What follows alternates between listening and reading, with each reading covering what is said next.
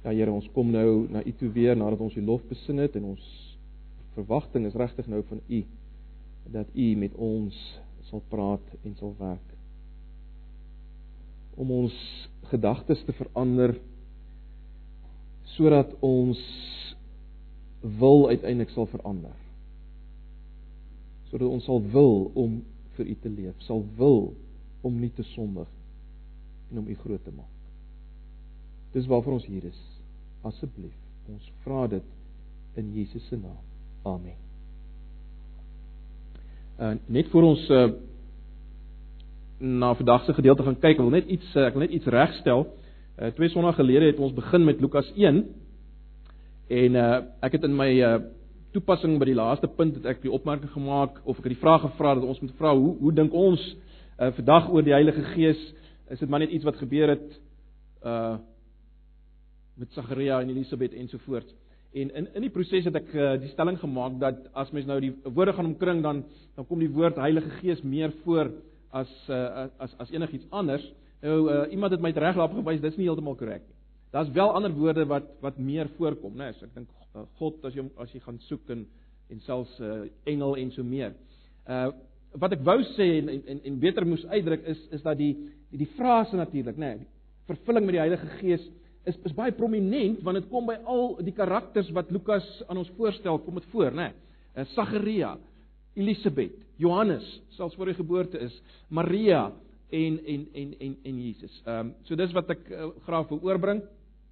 En natuurlik met die agtergrond van van Handelinge weet ons dat dat Lukas wel wil hê ons moet uh uh in sy lesers moet bewus raak van van die feit dat ons leef in die bedeling van die Heilige Gees. Ek wou dit net regstel, so vergewe my vir daai uh verkeerde opmerking. Vandag wil ek hê ons moet kyk na Lukas 2 vers 1 tot 3 vers 20. Nou ongelukkig weer eens is is bietjie van 'n lang gedeelte uh om om alles te lees. Ek beloof van volgende Sondag af gaan ek uh probeer dat die gedeeltes korter is, dan kan ons dit saam lees en miskien nog bietjie dieper ingaan. Maar vandag is nog 'n redelike 'n groter gedeelte. Uh so maak julle Bybels miskien daar oop. Lukas 2, jy sal sien die opskrif is die geboorte van Jesus en dan gaan ons deur tot by die gedeelte oor Johannes die Doper. So kry dit maar net uh oop voor julle want ons gaan ons gaan wel redelik kyk na die na die skrif self. Nou ek dink baie van ons het al die frustrasie beleef, né? Nee, dat ehm um, dat jy vir 'n hond iets wil wys. En dan dan is die hond gefassineer met jou vinger. Het, het jy dit al beleef? Ook vir 'n kind dalk. Jy, jy wys na iets daar. Dat daar man en dan is die hond gefassineer deur hierdie vinger van jou. In plaas van dit waarna jy wil wys. Nou hierdie verskynsel herhaal homself dikwels en dit verhaal homself met baie dinge wat na vore kom in in in in hierdie gedeelte van Lukas waarna ons vanoggend gaan kyk. Dinge waarmee ons in sigself gefassineer kan raak in plaas dat ons verder kyk na dit waarna dit eintlik wys. So so kom ons begin ons ons ons ehm uh, maak die gordyn oop oor die eerste toneel Lukas 2 vers 1 tot 20 wat gaan oor die geboorte van Jesus. En en ek wil hê ons moet vanoggend probeer verder kyk na dit waarna die vinger wys en ons moenie gefassineer raak uh met die vinger self nie. As ek vanoggend sou aankondig dat ons bietjie gaan praat oor die oor die Kersverhaal, dan dink ek tog ek ek dink tog ek gaan nie verkeerd wees as ek sê dat baie van ons gaan onwillekeurig Jy kan dit amper nie keer nie. Gaan gaan die prentjie jou kop kry van 'n stal met diere, donkies en 'n bees, skapies en daar lê Jesus in die krib. Onwillekeurig. Maar dit is baie interessant. Ek weet nie of ons al ooit daaraan gedink het nie.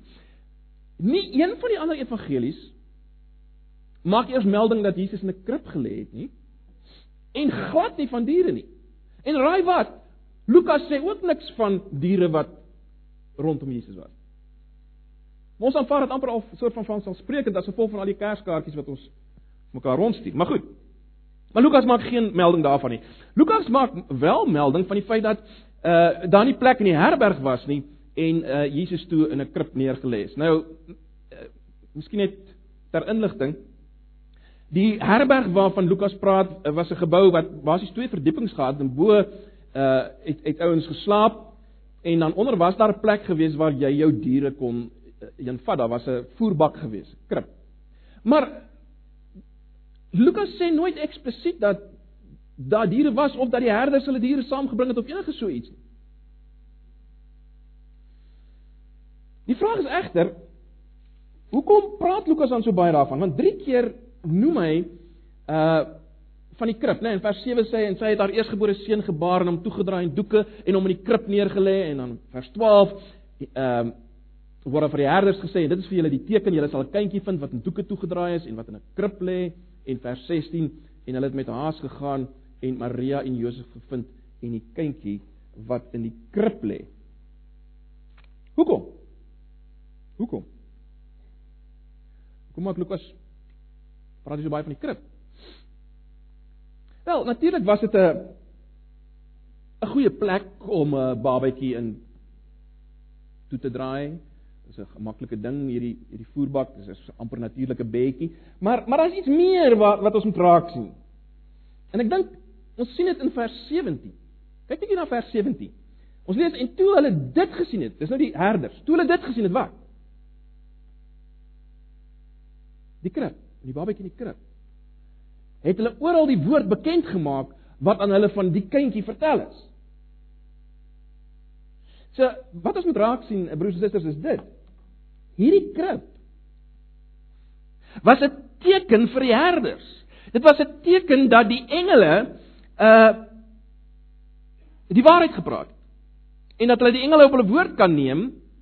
Dit was vir hulle teken dat hulle besig is met die regte ene, die regte babatjie En dit het hulle dit het hulle as te ware nou gelanseer, dit het hulle vrymoedigheid gegee om nou te praat van dit wat die engele vir hulle gesê het waar is van hierdie kindjie, né? Nee.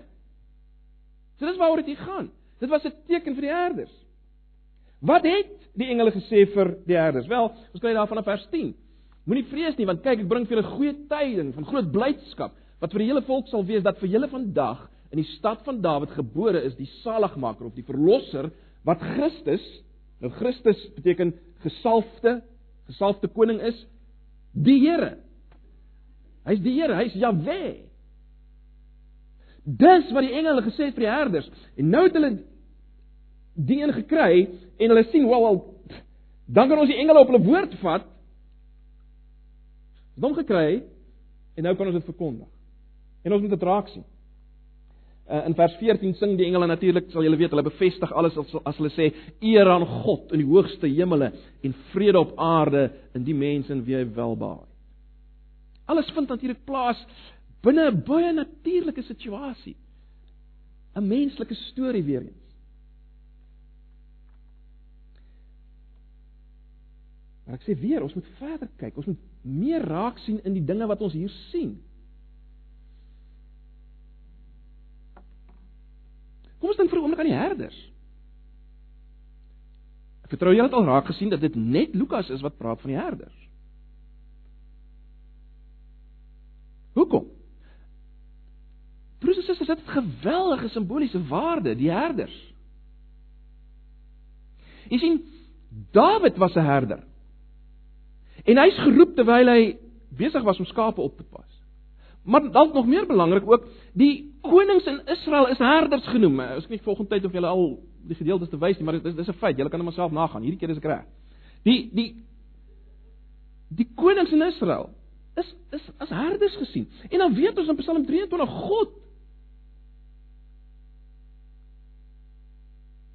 Dis as die herder.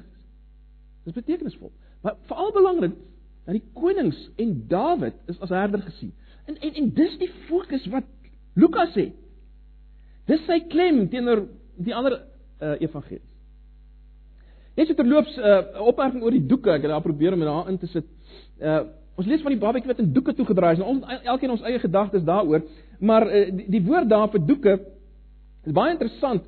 Uh as jy gaan kyk na na na sekere opmerkings wat uh ouens maak in geskrifte van die tyd, byvoorbeeld in die sogenaamde wysheid van Salomo, 'n Joodse geskrif, waar daar die volgende gesê: "Geen koning begin sy lewe op 'n ander manier as dit nie, naamlik om toegedraai te word so met hierdie doeke." Dis die die, die woord wat daar gebruik word in Lukas.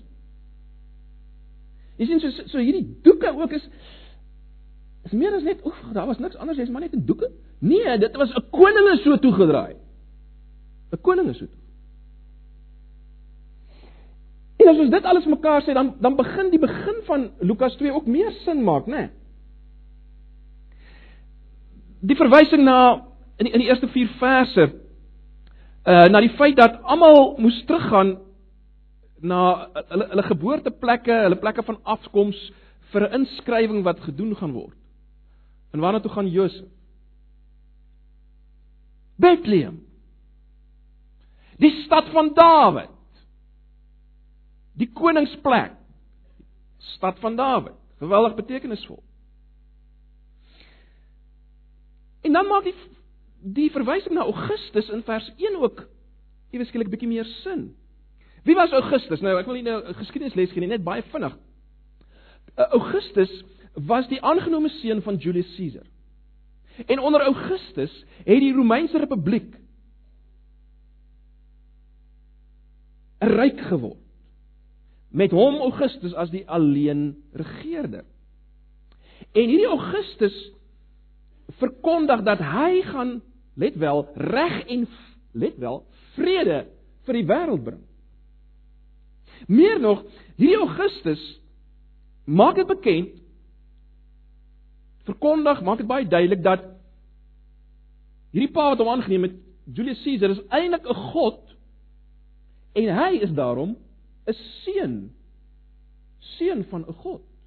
So hy wat Augustus is, is seun van 'n god.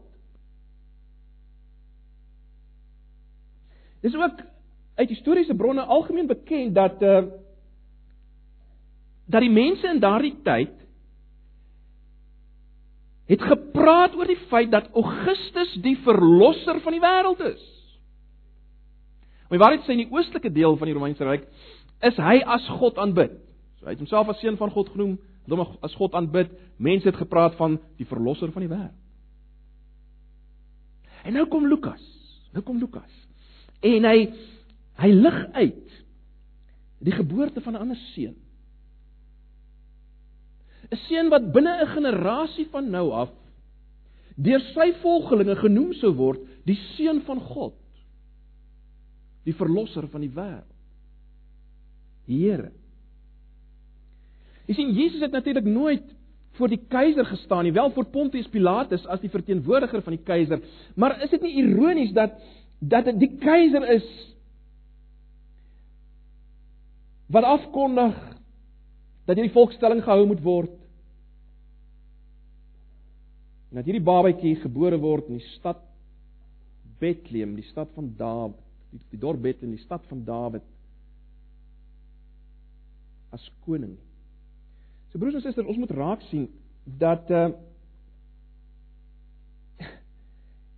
dat Lukas iets meer wil wys met hierdie geboorte.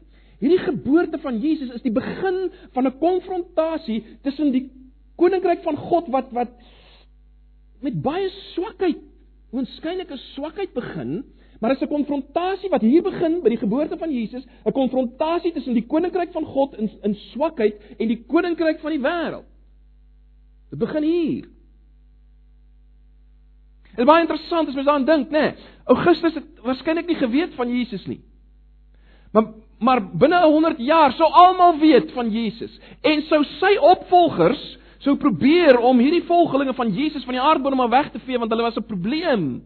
En baie interessant, 3 eeue later sou die keiser self homself 'n Christen noem. Nou ons kan debatteer of hy werklik 'n Christen was of nie. Dis nie ter sprake nie. Die punt is hy noem homself die keiser. 'n Volgeling van Christus 3 eeue later.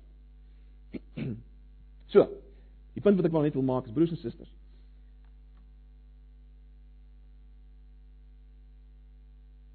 die gebeure in die krib as ek dit so kan stel. Dit wat ons op die kerskaartjie sien is 'n vingerwysing na 'n atoomontploffing as jy wil. Die koning van die kosmos en sy koninkryk.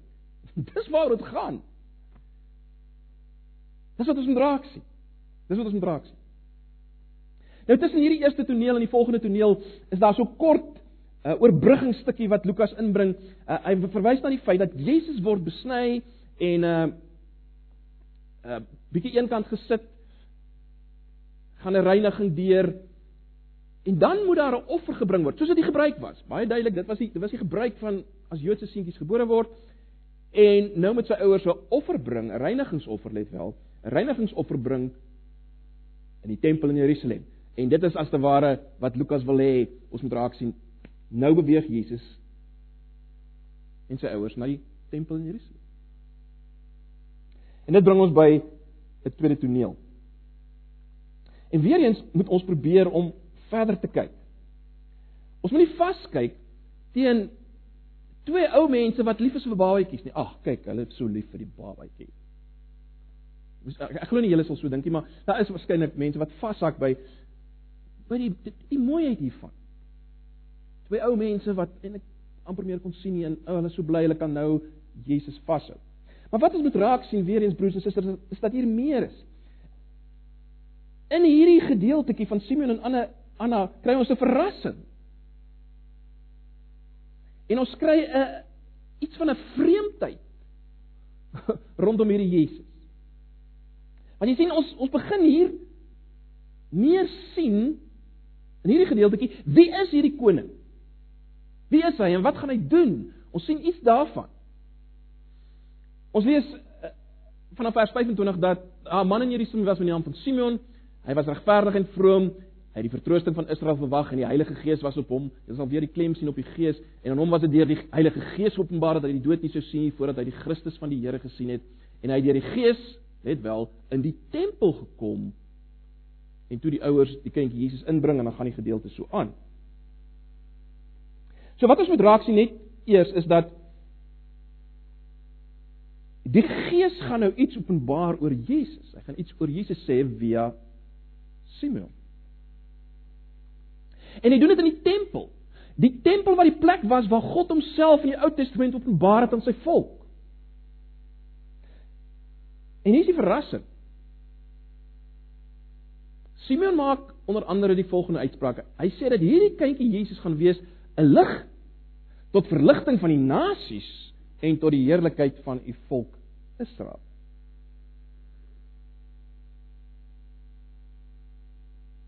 Dit is dit is 'n verrassing. Ons het al baie daaroor gepraat.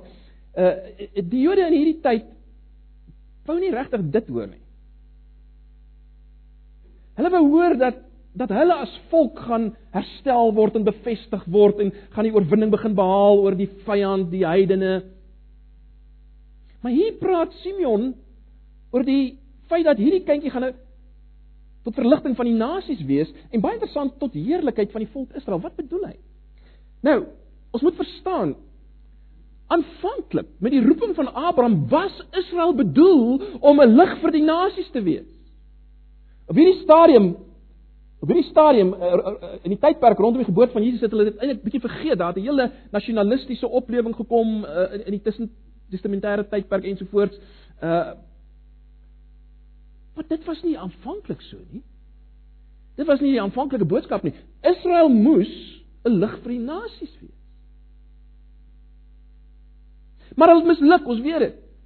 En nou sê Simeon onder inspirasie van die Gees dat hierdie babatjie hy gaan 'n lig tot verligting van die nasies wees en tot die heerlikheid van Israel. Beteken dit waarskynlik dat En ons sien dit val in Handelinge ook. Hierdie Jesus gaan die rol van Israel oorneem en hierdie Jesus gaan doen wat Israel nie kon doen nie.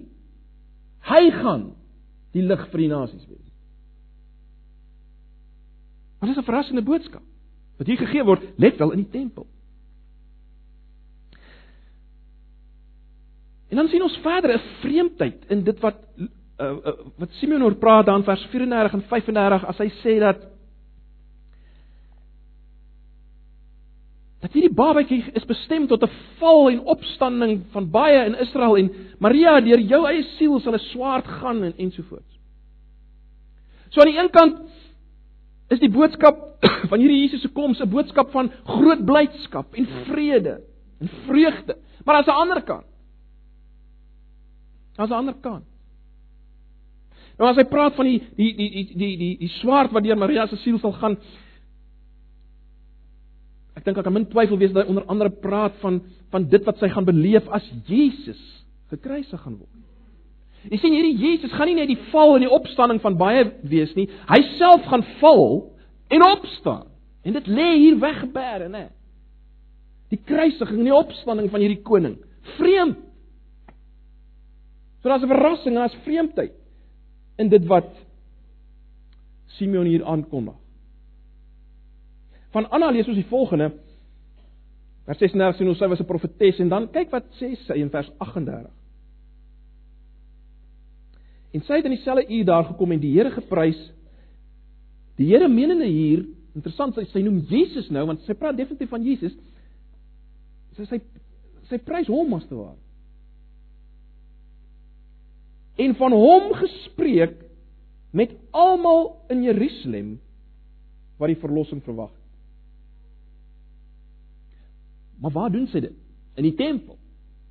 So sy praat in die tempel van Jesus die Here. En dan sluit hierdie gedeelte af maar net na 'n verwysing van Jesus wat gegroei het, sterk geword het in die gees en vol van wysheid en God se genade was op hom. 'n Volgende toneel bring ons nou weer in die tempel maar op 'n ander manier. En weer eens moet ons verder kyk. Baie interessant. Ons, ken die verhaal, né? Jesus raak weg. Sy ouers weet nie waar hy is nie en uiteindelik vind hulle hom in die tempel en hy daar as 'n 12-jarige seentjie sit en praat met die groot manne daar. Skrifgeleerdes en so meer. En hulle is verbaas. En en Maria sê vir hom maar Man ek en jou ek en jou vader, ek en jou pa soek jou en dan is baie interessant die woordspeling. Jesus sê, "Wow, wow, Het julle nie geweet ek moet in die dinge van my Vader wees nie? sien julle die woordspeling? Uh ek en jou Vader soek jou. Nee sê Jesus, het julle nie geweet ek moet in die dinge van my Vader wees nie? Ek ek het 'n ander Vader. En hulle verstaan dit nie. Sê Lukas, hulle het dit nie verstaan nie. Wat waarvan praat hy? Dit is interessant, hierdie hierdie gedeeltetjie echo iets heel aan die einde van Lukas Evangelie, Lukas 24. Julle ken die gedeelte van die sogenaamde Emmausgangers, né? Daar het ons ook 'n geval van na 3 dae net soos Josef en Maria na 3 dae Jesus in die tempel gekry het. Na 3 dae het Jesus nog nie verskyn nie. Hy was weg, net soos hy weg was by Josef en Maria. Was hy weg gewees? In Lukas 24. En dan praat hierdie Emmausgangers, hulle kom nie agter dat die een wat saam met hulle loop Jesus is nie, né? En dan sê Jesus vir hulle: "Maar moes die Christus nie ly en al hierdie dinge deurgaan nie?" Net soos hy vir Josef en Maria sê, Het julle nie geweet ek moes nie dinge van my Vader wees nie? Dit is baie interessant as jy kyk na die Grieks, is 'n baie dieselfde tipe sinskonstruksie wat gebruik word. Jy sien, Jesus is verrassend anders. Hy tree nie op soos jy verwag nie. Hy sê meer. Hy sê iets anders. Ons moet dit raak sien. En dit bring ons by die laaste gedeelte gedeelte van Johannes die Doper. En weer eens eh, eh, is moontlik om net na die gedeelte van Johannes die Doper te kyk en te sê ja, sien, kyk, uh, hier is nou weer eens 'n bewys dat ons moet groot gedoop word want Johannes die Doper het groot gedoop en so meer. Maar weer eens broers en susters, ons moet verder kyk. Dis meer aan die gang. Sonder om te lank hierop in te gaan, ons moet onthou die die Jode was nou weer in 'n toestand van slawerny. Hulle was nie 'n vry volk op hierdie oomblik. Hulle was in slawerny. En en dit was nou vir, vir baie lank. Letterlik honderde jare waar daar nie 'n woord van die Here was nie. Wat die wat die Here nie iets vir hulle gesê het nie. So daar was 'n verwagting dat die Here iets nuuts gaan sê, dat daar 'n nuwe profesie gaan wees, 'n nuwe woord. En daarom is hulle bereid om te luister as hierdie snaakse karakter begin praat. Maar as hy begin praat, is dit nie heeltemal wat weer eens wat hulle verwag nie. Maar kom ons dink net oor oor wat hier aangaan. Daar's waarskynlik meer betekenis in die water as wat ons dink. Ehm uh, julle sal onthou, toe Israel in slawerny was in Egipte, is hulle deur water heen verlos. Maar ons weet die volk het weer in 'n sin in slawerny verval met die ballingskap En soos ek sê, nou was hulle weer in in 'n toestand van slawerny en die die profete het dit gedurig duidelik gemaak dat daai volk se probleem was dat hulle ander gode aangehang. Sonde was hulle probleem. Sonde was hulle probleem. En daarom 'n nuwe Eksodus sou hierdie sonde probleem moes hanteer. 'n Nuwe bevryding sou hierdie sonde moes hanteer. Kyk hoe stel Maleagi 3 vers 7 dit. Sedert die dae van julle vaders het julle van my insettinge afgewyk en dit nie onderhou nie. Keer terug na my En ek wil na julle terugkeer, sê die Here van die leerskare. Maar julle vra waarin moet ons terugkeer? En dis waar Johannes inkom as te ware en hy sê of of en, en, en hy bring dit waarvan vers 3 praat. Hy het gekom in die omtrek van Jord, van die Jordaan en die doop van bekering tot vergifnis van sondes verkondig. Wat het die Here gesê in Maleagi? Keer terug na my en ek sal julle terugkeer. As julle julle bekeer, sal ek julle verlossing gee. En dis Johannes se doop. Dis Johannes se doop. En as jy gedeelte gaan lees, maak Johannes dit baie prakties, nê, nee, hierdie bekering. Hy sê as jy twee stukke klere het, gee een vir die armes. Baie sterk weer 'n ek klem op uh, ons het al vir mekaar gesê jy laat dit begin dat Lukas maak baie van die hele rykdom armoede uh, motief. Maar baie prakties moet daar prakties hy maak die bekering baie prakties. Baie prakties. Mens wonder wat sou hy gesê het as hy aan ons deure geklop het, aan my deur geklop het, aan jou deur geklop het. Wat sou Johannes gesê het? Hy maak die bekering baie prakties. Maar broers en susters, wat ons nie moet mis nie, weer eens, wat ons nie moet mis nie, hy onthou die vinger. Dit alles was 'n voorbereiding vir iets meer. Kom ons kyk net na vers 4 tot 6. Soos geskryf is in die boek van die woorde van Jesaja die profeet waar hy sê die stem van een wat roep in die woestyn, berei die weg van die Here, maak sy paaie reguit. Elke dal moet opgevul word En elke berg en heuwel wegsak en die kromdraaie sal reguit pad word en die skurwe plekke gelyk weer en alle vlees sal die heil van God sien.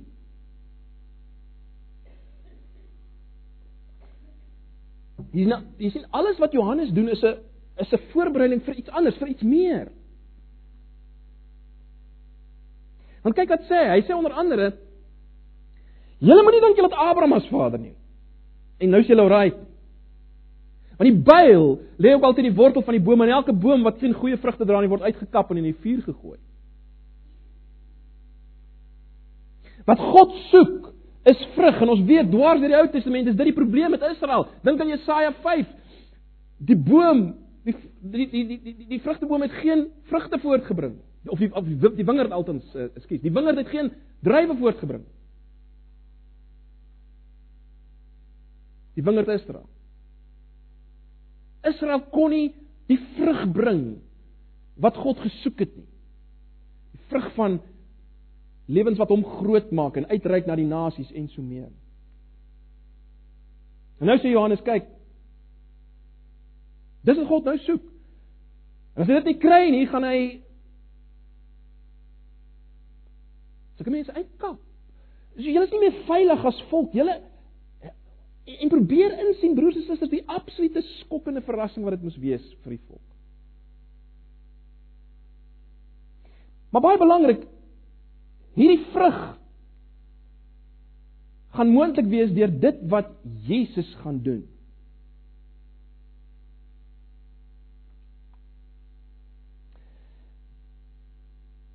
Ek wil hê julle moet iets raak sien hier. Ek ek ek, ek wil hê julle moet raak sien dat die Jesus wat waarvan Johannes hier praat is is baie anders as die sagte Jesus van die kinderbybel met die skapie in sy arms. Dis hoekom ek dit so aangedui het. Dis die Jesus waarvan Johannes sê ek doop julle wel met water, maar hy kom wat sterker is as ek. Wie se skoenriem ek nie waardig is om los te maak nie. Hy sal julle doop met die Heilige Gees met vuur en let wel in vers 17, sy skop is in sy hand, hy sal sy dorsvloer deur en deur skoon maak en sy koring saambring in sy skuur maar die kaf met onuitblusselike vuur verbrand. Dis die Jesus wat gaan kom, sê Johannes. Hy gaan iets nuuts doen. Hy bring 'n ander doop. Hy bring 'n ander doop. Doop met die Heilige Gees. En hy bring 'n reiniging. Soos vuur reinig, gaan hy reinig. En hierdie werk van die Gees gaan gaan reinigend werk. Sodat hy vrug kan kry.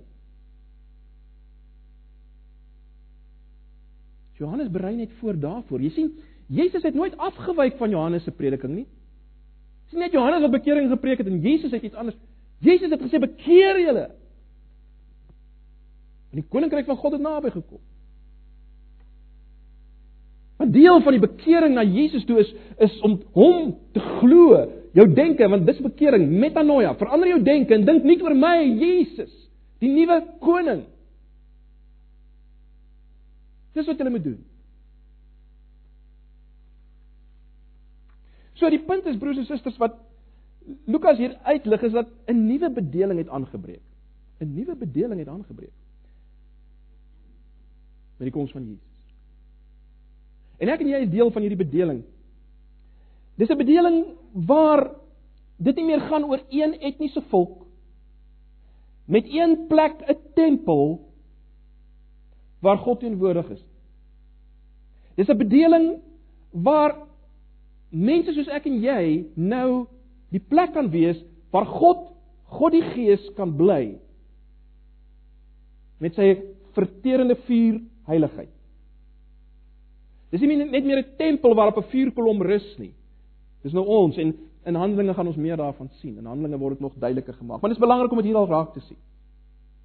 En daarom is dit interessant. Ek spring bietjie vooruit, maar ek dink tog is belangrik. As ons kom by Handelinge dan dan lees ons uh, nadat uh, die, die hele storie met Kornelius en sy familieplase vind dit Kornelius die heiden. Dan sê Petrus die volgende. Hy sê en toe ek begin spreek het die Heilige Gees op hulle geval, dis die heidene. Soos ook op ons in die begin. En dan verwys hy na die gedeelte waarna ons nog gekyk het. En ek het die woord van die Here onthou toe hy gesê het Johannes het met water gedoop, maar julle sal met die Heilige Gees gedoop word. Sien, hier sien ons dat dit het toe gebeur. Hy doen dit. En baie interessant, Paulus baie later sê die volgende. Hy sê want ons is almal ook deur een gees gedoop tot een liggaam. Of ons Jode of Grieke is, slawe of vrymanne, en ons is almal van een gees deurdronge. So broers en susters, dit lyk vir my ons moet verstaan dat dis waaroor die nuwe bedeling gaan en dis waar elke kind van God deel het. Dit lyk vir my as jy behoort aan Jesus, is jy gedoop met die Gees. Die vraag is leef ons in die lig daarvan? Is ons bewus daarvan? Laat ons toelaat hy ons vervul en dis 'n hele ander onderwerp, maar, maar ons moet dit raak sien al hier. Ons leef in hierdie nuwe bedeling. Ons leef in hierdie nuwe bedeling. Maar goed, kom ons vat net vinnig saam die dinge wat ons in hierdie gedeelte sien. Lukas lig 'n paar goed uit. Eerstens Jesus en koningskap. As geen twyfel as dit moet raak sien nie. Jesus is nou die koning van alle konings. Hy het al leen reg op mense. Hy soek alleen lojaliteit aan hom. Dis wat Lukas vir ons wil wys hier. Ons sien iets hier van Jesus in Israel. Ons sien dat Israel word as te ware geherdefinieer. God soek 'n nuwe volk, 'n volk wat vrug dra, 'n volk gedoop met sy Gees. Die tempel, wat hy nou baie daaroor praat nie, ons gaan nog baie daaroor praat, maar God is nou op 'n nuwe plek teenwoordig. Nie net die tempel in Jerusalem. Jesus kom herdefinieer. Dit is baie interessant. Ek het al vir julle daarop gewys. Lukas begin met die tempel. Sagaria in die tempel. Die heel laaste vers van Lukas eindig met die tempel. Hulle het hom in die tempel aanbid. Jesus in die Gees. Ons kan dit nie mis nie weer eens. Dis die Gees wat praat oor wie Jesus is en Jesus doop met die Gees. Jy sien, wat ons moet raak sien is dat Jesus en die Gees is onafskeidbaar. Jy sal altyd die een saam met die ander een hê. 'n Gees wat dinge doen en werk sonder Jesus. Daar bestaan nie so iets nie. Maar 'n Jesus wat dinge doen en werk sonder die Gees ook nie. Moet dit raak sien. Hierop. En dan net 'n laaste punt wat ons hier sien is dat Jesus is verrassend anders. Verrassend anders as die wêreld, verrassend anders as enige ander koning, verrassend anders as wat ons dikwels dink. En ons gaan dit dwars deur Lukas sien. Gaan ons sien hoe verrassend anders Jesus is. Ons gaan verras word deur wie Jesus is. Ag, broers en susters, ek wil afsluit net met hierdie vraag.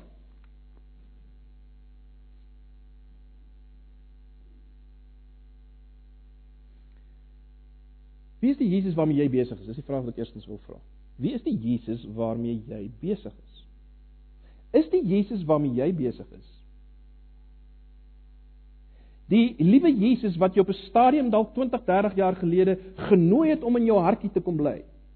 Frases wat natuurlik glad nie in die Bybel voorkom nie. En ek ek wil nie spot dryf met enigiets nie. Jy moet my verkeerd hoor nie. Maar die probleem is hierdie Jesus wat ingenooi word om in ons hartjies te bly, waar dit ook al mag wees, Hierdie Jesus het dikwels geen sê oor wat ons dink en doen en hoe ons leef nie. Ja, ek ek ek ek vra hom wel so nou en dan om my te help sodat ek beter doen in my toets. Uh of wat dit ook al mag wees, my werk en so aan sodat my lewe kan voller word. Want jy sien dit gaan oor my. Ek is eintlik die koning en hierdie Jesus is daar om my koningskap te bevestig, my vervulling te gee, my blydskap. Is dit Jesus waarmee jy besig is? Die Jesus wat 'n blinde oog draai vir die verkeerde dinge waarmee hy besig is, die pornografie wat ek kyk. Ag, hy gee nie so om daaroor nie. Is dit die Jesus is waarmee jy besig is? Is dit die Jesus waarmee jy besig is? Jy sien broers en susters, waarskynlik moet ons vra Wie is die Jesus wat besig is met my? En hoe sal ek weet of die regte Jesus besig is met my? Dis miskien 'n belangriker vraag om te vra vanoggend.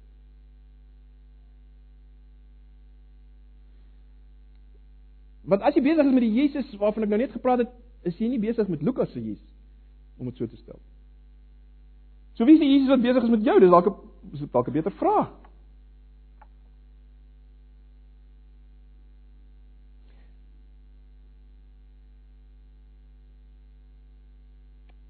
Hoe sal jy weet of die regte Jesus met jou besig is? Wel, kom ek stel dit so, in die eerste plek sal jy weet dat hy het radikaal ingemeng met jou lewe. As Jesus inmeng met jou lewe, kan jy nie meer heeltemal dieselfde wees nie. Jy kan nie op dieselfde traject aangaan as wat jy altyd aangegaan het. Ja, dis nie altyd absoluut nie. Ja, ons loop draaie en ja, ons is nog gebroken en ja, ons val. Ek ek praat nie van al hierdie dinge nie. Ek praat van in die groter prentjie sal jy weet op op een of ander stadium het hy radikaal ingemeng en my traject het verander.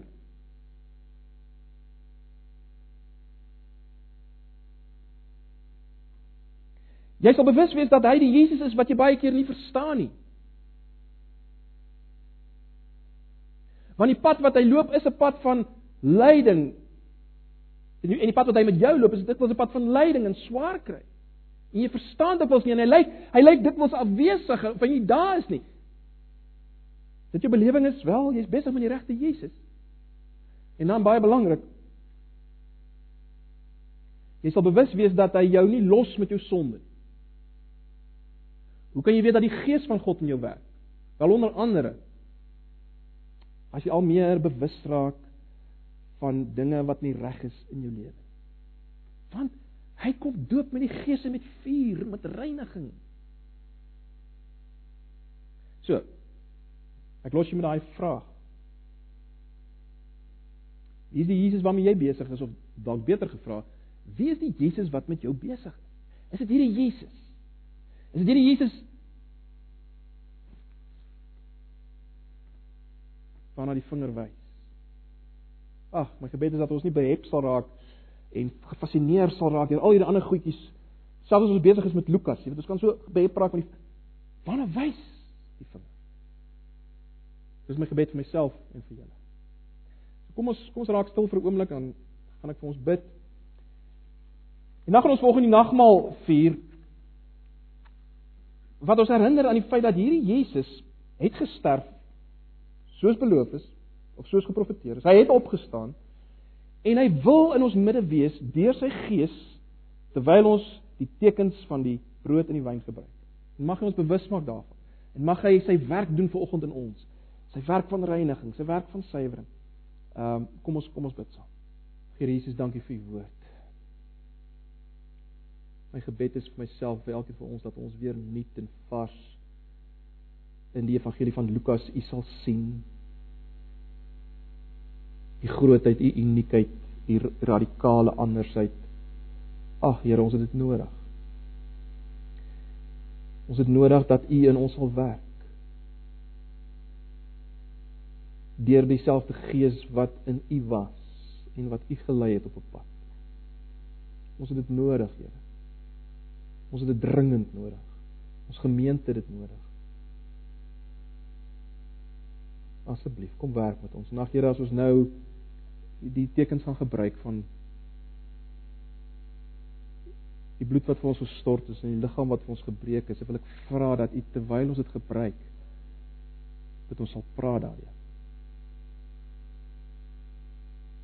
Asseblief, ons vra dit in Jesus se naam. Amen.